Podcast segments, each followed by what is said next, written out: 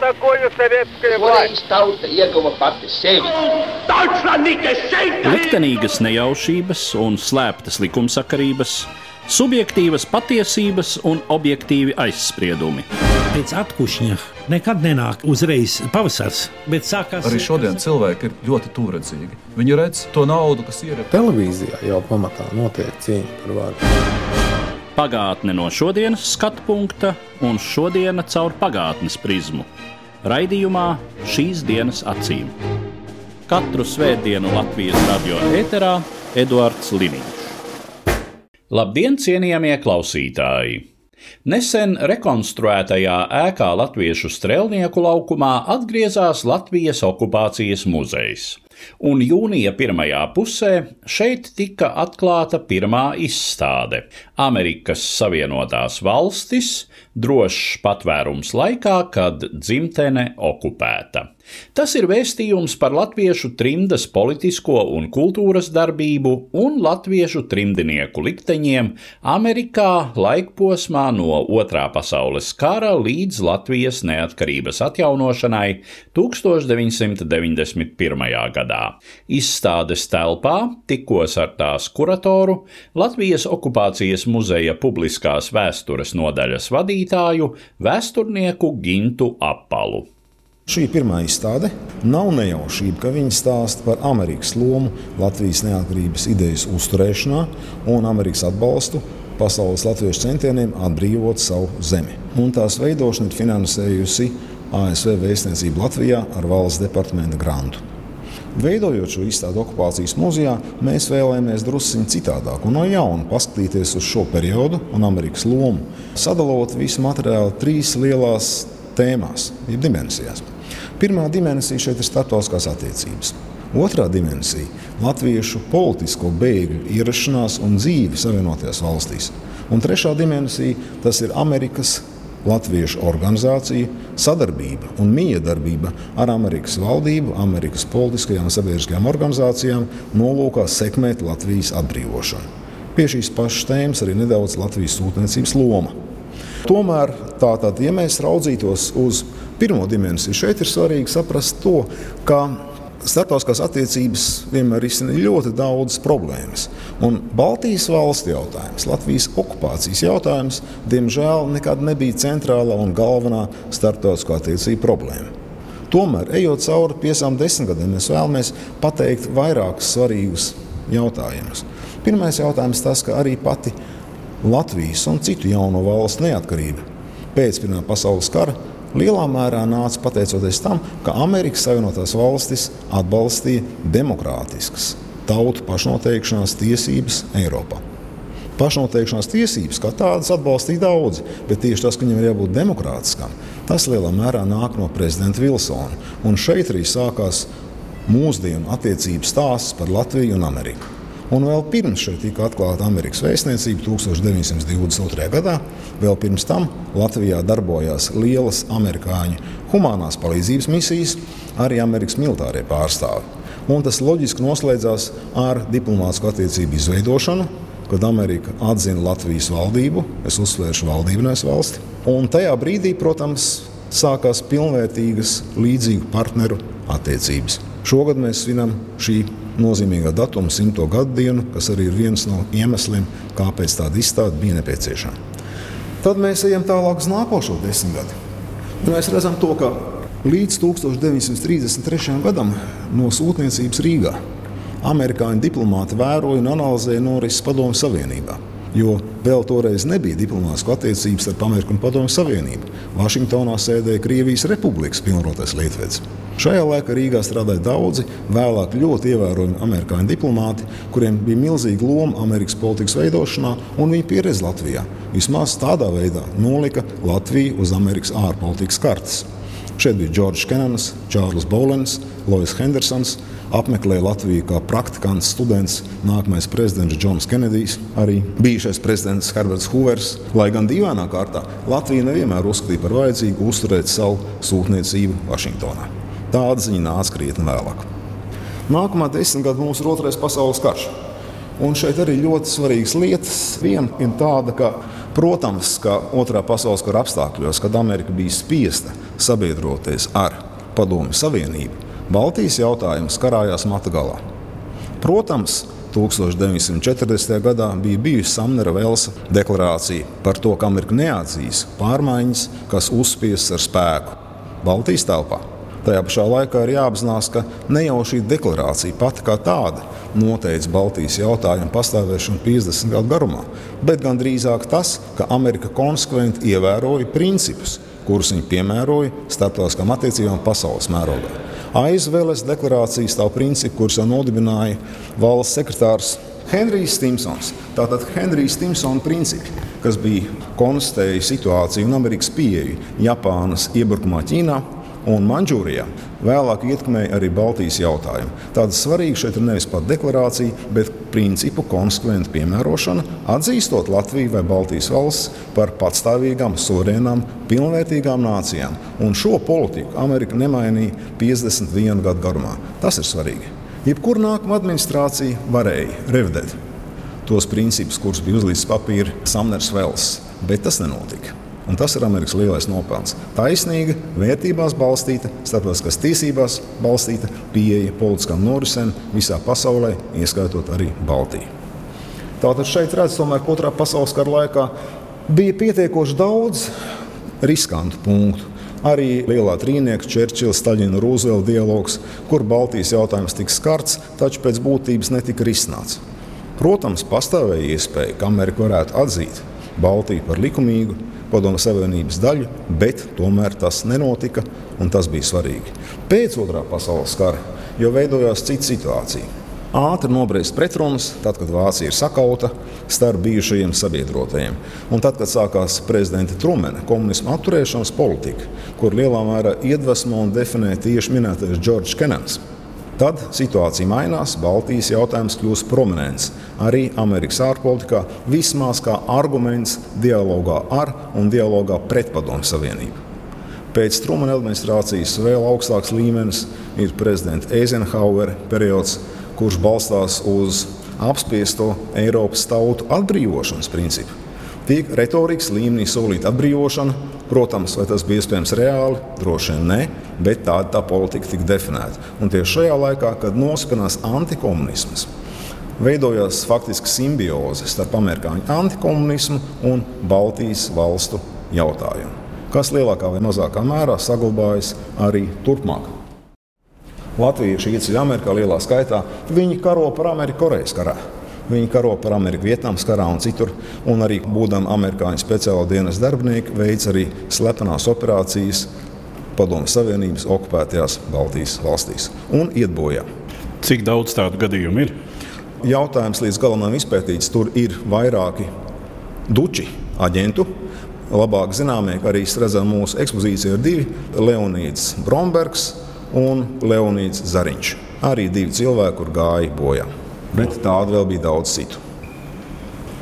Tātad, ejot cauri lūk, arī Berlīnas krīzē, 60. gada sākumam, atkal mēs redzam, ka tomēr neizbēgami divas pasaules lielvalstis, kuras kopā ir atbildīgas par pasaules mieru un stabilitāti, risina savu dialogu. Svarīgs kaut kas cits. Viņi sadarbojas, protams, ciešāk vai mazāk cieši, bet Baltijas valsts jautājums nemainās. 60. gada periods jau ved uz saspīlējumu, atslābumu, un, protams, ka vēlāk, jau pēc prezidenta Kenedija un Lintona Džonsona administrācijām, nāk Helsinku process. Jauns posms, kurš arī druskuļi ir riskants Baltijas valstīm, jo ietver jautājumu par politisku solījumu nemainīt pēc otrā pasaules kara izveidotās valsts robežas Eiropā. Par laimi Amerikas Kongress un Senāts kopīgi, tātad pārstāvju palāta un senāts kopīgi kā kongress pieņem rezolūcijas, kas pietiekoši saistošas administrācijai, ka šis princips neatiecas uz Baltijas valsts aneksijas neatzīšanas politiku.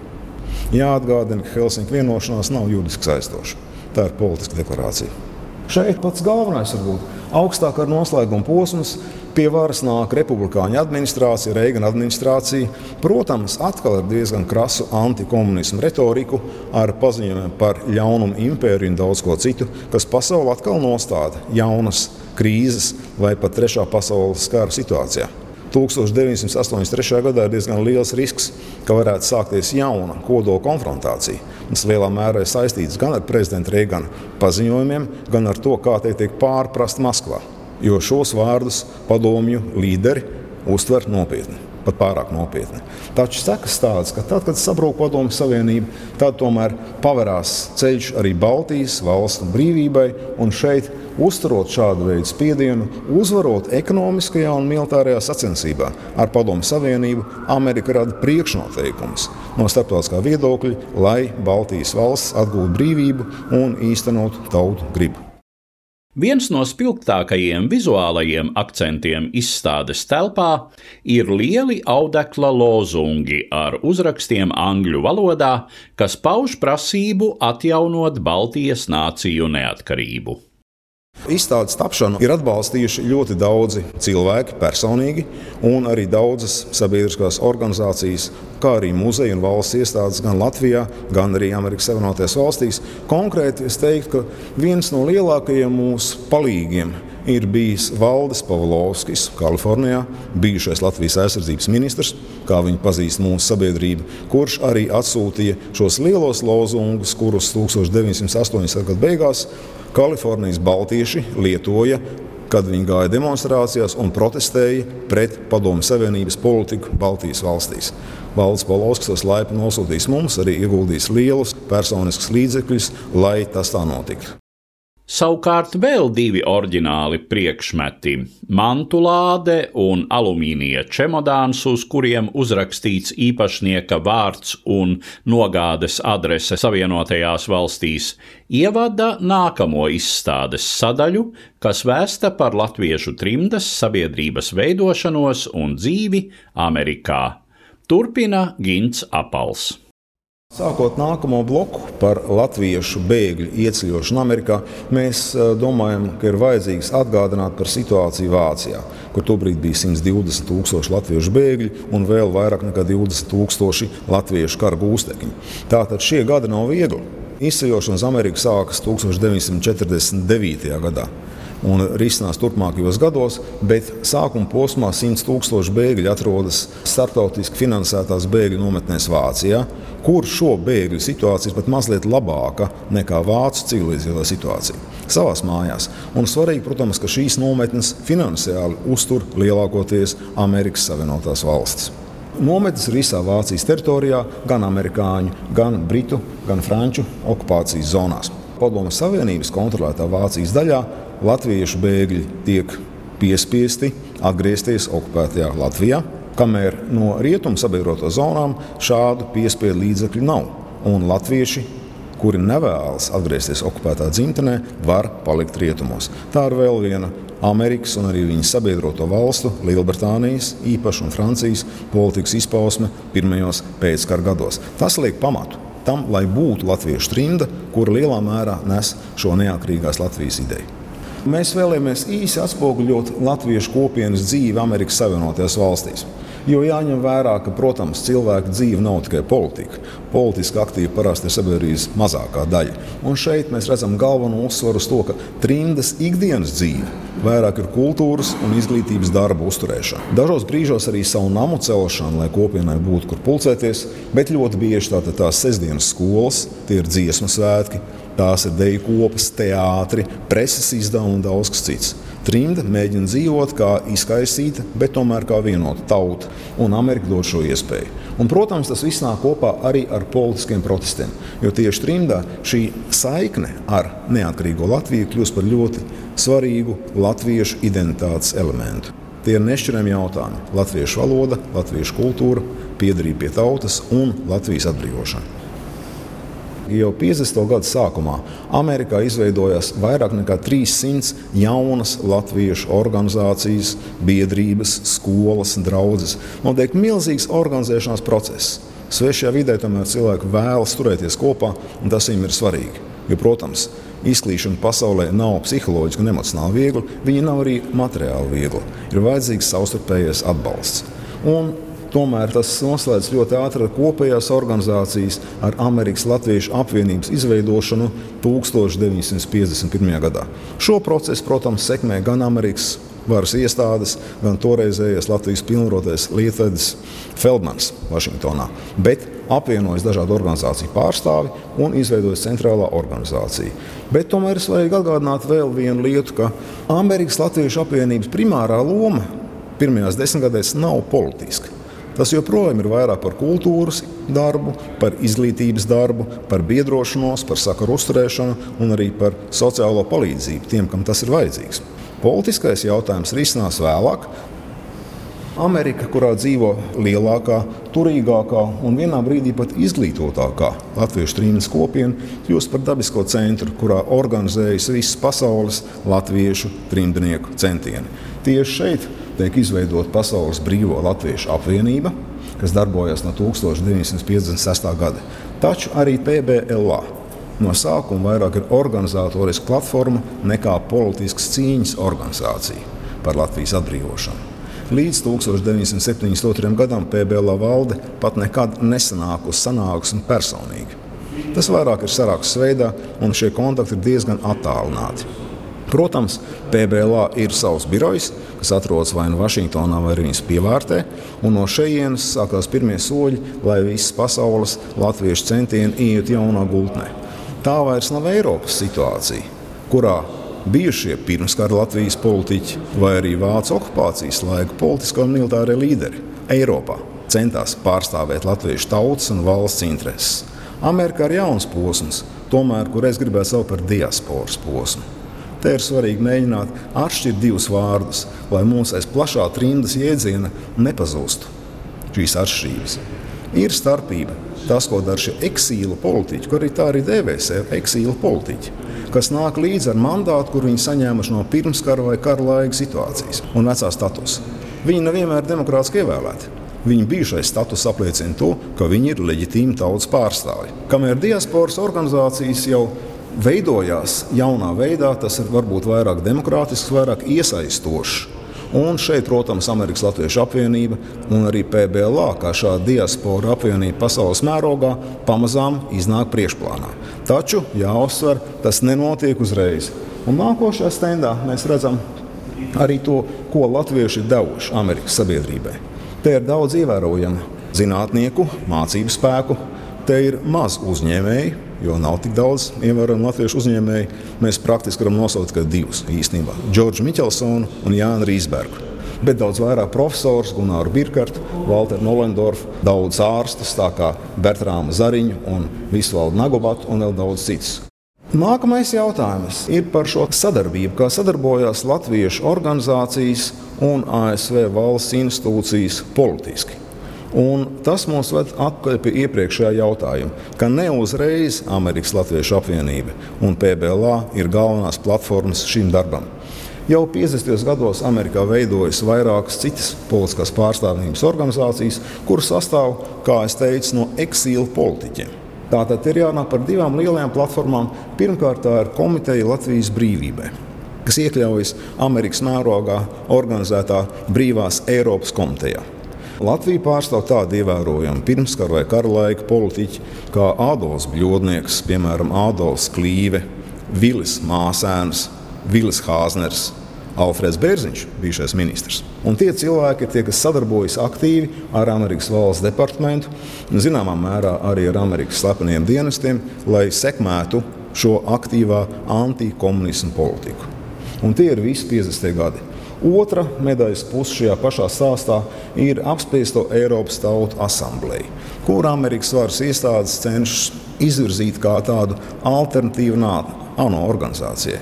Tobrīd ANO organizācija ir uzņemta ne tikai Padomju Savienība, ieskaitot atsevišķus Baltkrievijas un Ukraiņas delegātus, bet arī Padomju Savienības kontrolēto valstu komunistu valdību pārstāvi.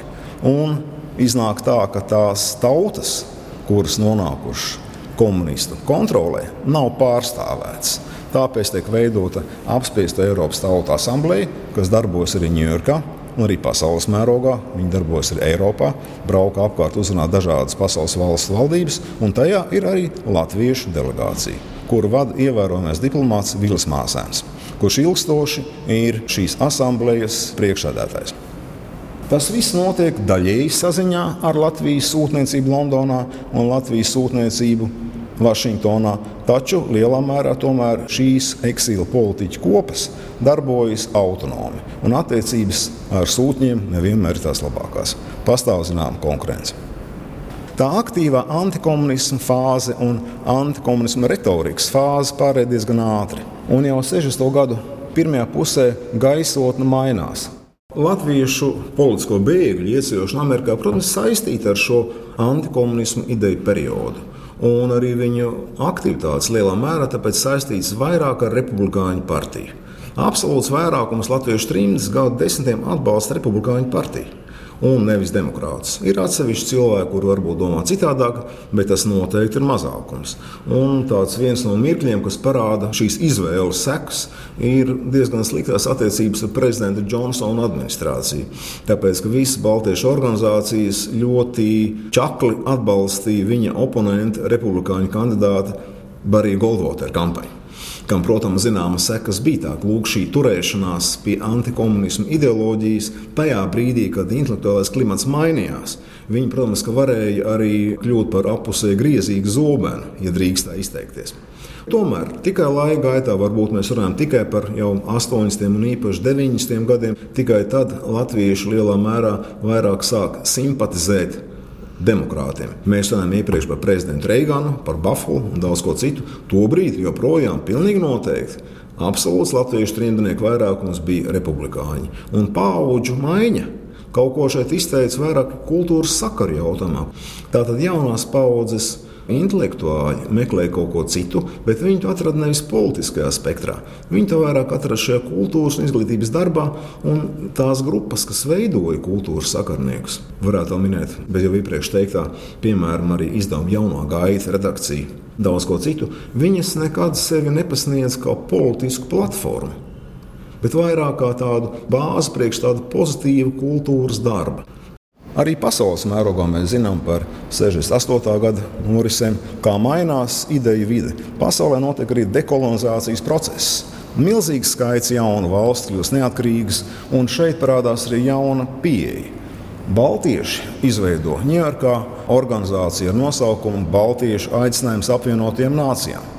Atšķirībā no jau minētā Eiropas apspiesto tautu asamblejas pieejas, kas cenšas piedāvāt alternatīvu. Šī organizācija savukārt cenšas aktīvi uzrunāt apvienoto nāciju organizāciju, lai aktualizētu Baltijas valstu jautājumu un strādātu ar šīm valstīm, kas tikko un nesen ir ieguvušas savu neatkarību un iegūt viņu simpātijas.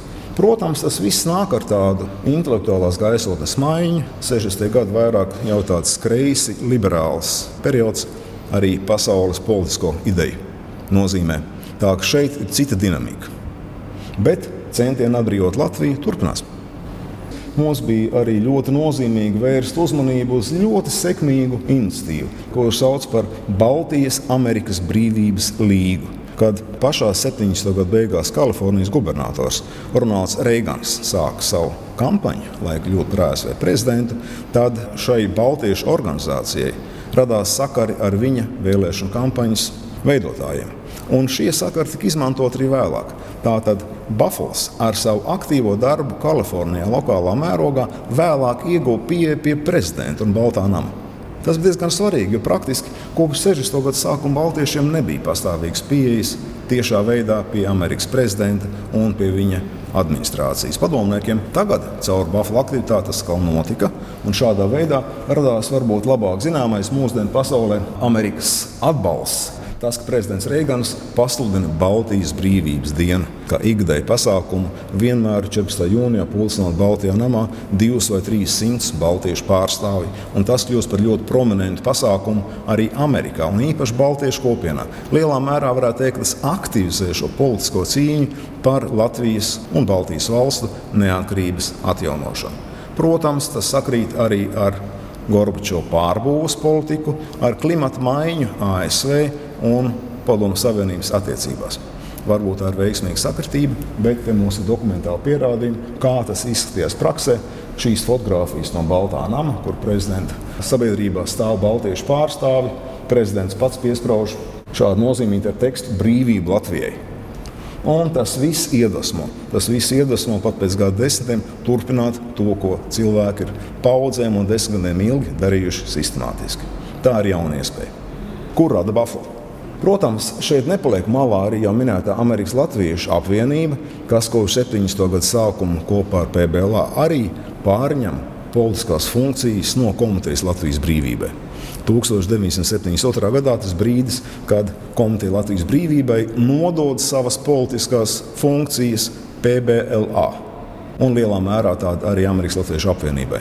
Tā kā sākas jauns periods, mums nevajadzētu aizmirst, ka šie divi atšķirīgie periodi līdz 70. gada sākumam joprojām eksīla politiķa posms, un pēc tam šo diasporas organizāciju, pirmkārt PBLA un otrkārt Amerikas Latviešu apvienības posms, kas ļoti efektīvi sekmē Latvijas neatkarības idejas uzturēšanu un arī dažādu veidu darbību Latvijas atbrīvošanas nolūkā arī okupētā Latvija nav pilnīgi izolēta no pasaules. Šeit tomēr notiek sporta kontakti ar Amerikas pārstāvjiem, notiek kultūras kontakti, brauc šādas tādas amerikāņu delegācijas, ieskaitot amerikāņu komunistu delegācijas. Bet tas viss pakļauts augstākā kara perioda dinamikai. Tad, kad ASV PSRS attiecības labākas, tad tādi konflikti ir biežāki un gūs plašāku publicitāti. Kad viņi ir vājāki, tādos gadījumos par amerikāņu sportistu, piemēram, šahista mēģņa klātbūtni Latvijā, tiek klusēts. Par visiem citiem šahistiem Rīgas turnīrā mēs laikrakstā sports varam lasīt detalizēti. Par Edmāru Mēdni nē, jo viņš ir Amerikas Latvijas. Un tas sakrīt ar šo 80. gadu atsalumu ASV un PSRS attiecībās. Tā dinamika svarīga. Kas bija nozīmīgi, bija šis kultūras sakaru darbs. Jo, protams, ka lielākā daļa Amerikas Latviešu kopienas negribēja sadarboties ar okupētās Latvijas emisāriem, pamatot, turot viņus aizdomās par padomu režīmu interešu pārstāvēšanu. Bet tomēr viena daļa intelektuāli to vēlējās un uzskatīja par nepieciešamu uzturēt kontaktus ar kultūras darbiniekiem, māksliniekiem, žurnālistiem, aktieriem, kas varēja braukt uz Ameriku. Šajā ziņā man liekas ļoti interesants citāts no Induļa Zālītes, kur viņš rakstījis un teicis Ilmāra Lešīnska atmiņu jaunajā izdevumā, ka lai gan kultūras sakarus inicijēja padomju drošības iestādes. Tomēr Amerika no viņiem iemanījās gūt sev lielāku labumu. Tā ka tomēr ir runa par apusēju procesu, par kanālu, kādā veidā cilvēki iegūst un apmaina informāciju un ietekmē viens otru. Tā pašā laikā latviešu sabiedrībā, kā minēja, kultūras sakara vienmēr bija un joprojām kaut kādā mērā ir pretrunīgs jautājums vai viena daļa uzskata to par ļoti vērtīgu darbu, citi joprojām skatās ar zināmu skepsi. Fakts ir tāds, ka Amerikas Latviešu organizācijas, tieši Amerikas Latviešu apvienība, tikai 80. gadu beigās atkāpās no savas noliedzošās attieksmes pret kultūras sakaru procesu. Bet bija citas biedrības, piemēram, Latvijas kultūras biedrība Tils, kas darbojās Ņujorkas apkārtnē, kas tieši sekmēja šādu veidu kontaktus, un arī tam bija sava loma. Tāpēc jāsaka, šī vēsture vienmēr ir bijusi pretrunīga un kompleksa. Vienas atbildes visiem cilvēkiem nekad nav. Runājot par to pieredzi, kur mums rāda šī izstāde, vai mēs varam atrast kādus saskares punktus ar šī brīža pasaules situāciju un uh, ko mums, un varbūt arī, teiksim, ja mēs domājam šobrīd par uh, Ukraiņu nācijas situāciju, no šī būtu mācīties. Ko Ukraiņu nācija būtu mācīties no Latvijas? Pirmkārt, karot un nepieļaut savas valsts okupāciju. Neļaut pat rasties šaubām par šīs valsts neatkarības jautājumu. Nepieņemt okupāciju klusējot, neiet kolaborācijā. Tie ir tie lielie jautājumi, kas mums, diemžēl, nāk līdz neatrisināt Latvijas iekšējās debatēs. Līdz ar to izskan šodienas raidījums, kuru ierakstīju viesojoties Latvijas okupācijas muzejā, izstādē Amerikas Savienotās valstis drošs patvērums laikā, kad dzimtene okupēta, un tiekoties ar izstādes kuratoru Latvijas okupācijas muzeja publiskās vēstures nodaļas vadītāju Gintu Apalu. Izstāde Latvijas okupācijas muzejā Strēlnieku laukumā viens būs apskatāma līdz šī gada 30. septembrim. Uz redzēšanos, cienījamie klausītāji! Katru svētdienu Latvijas radio viens par pagātni sarunājas Eduards Liniņš.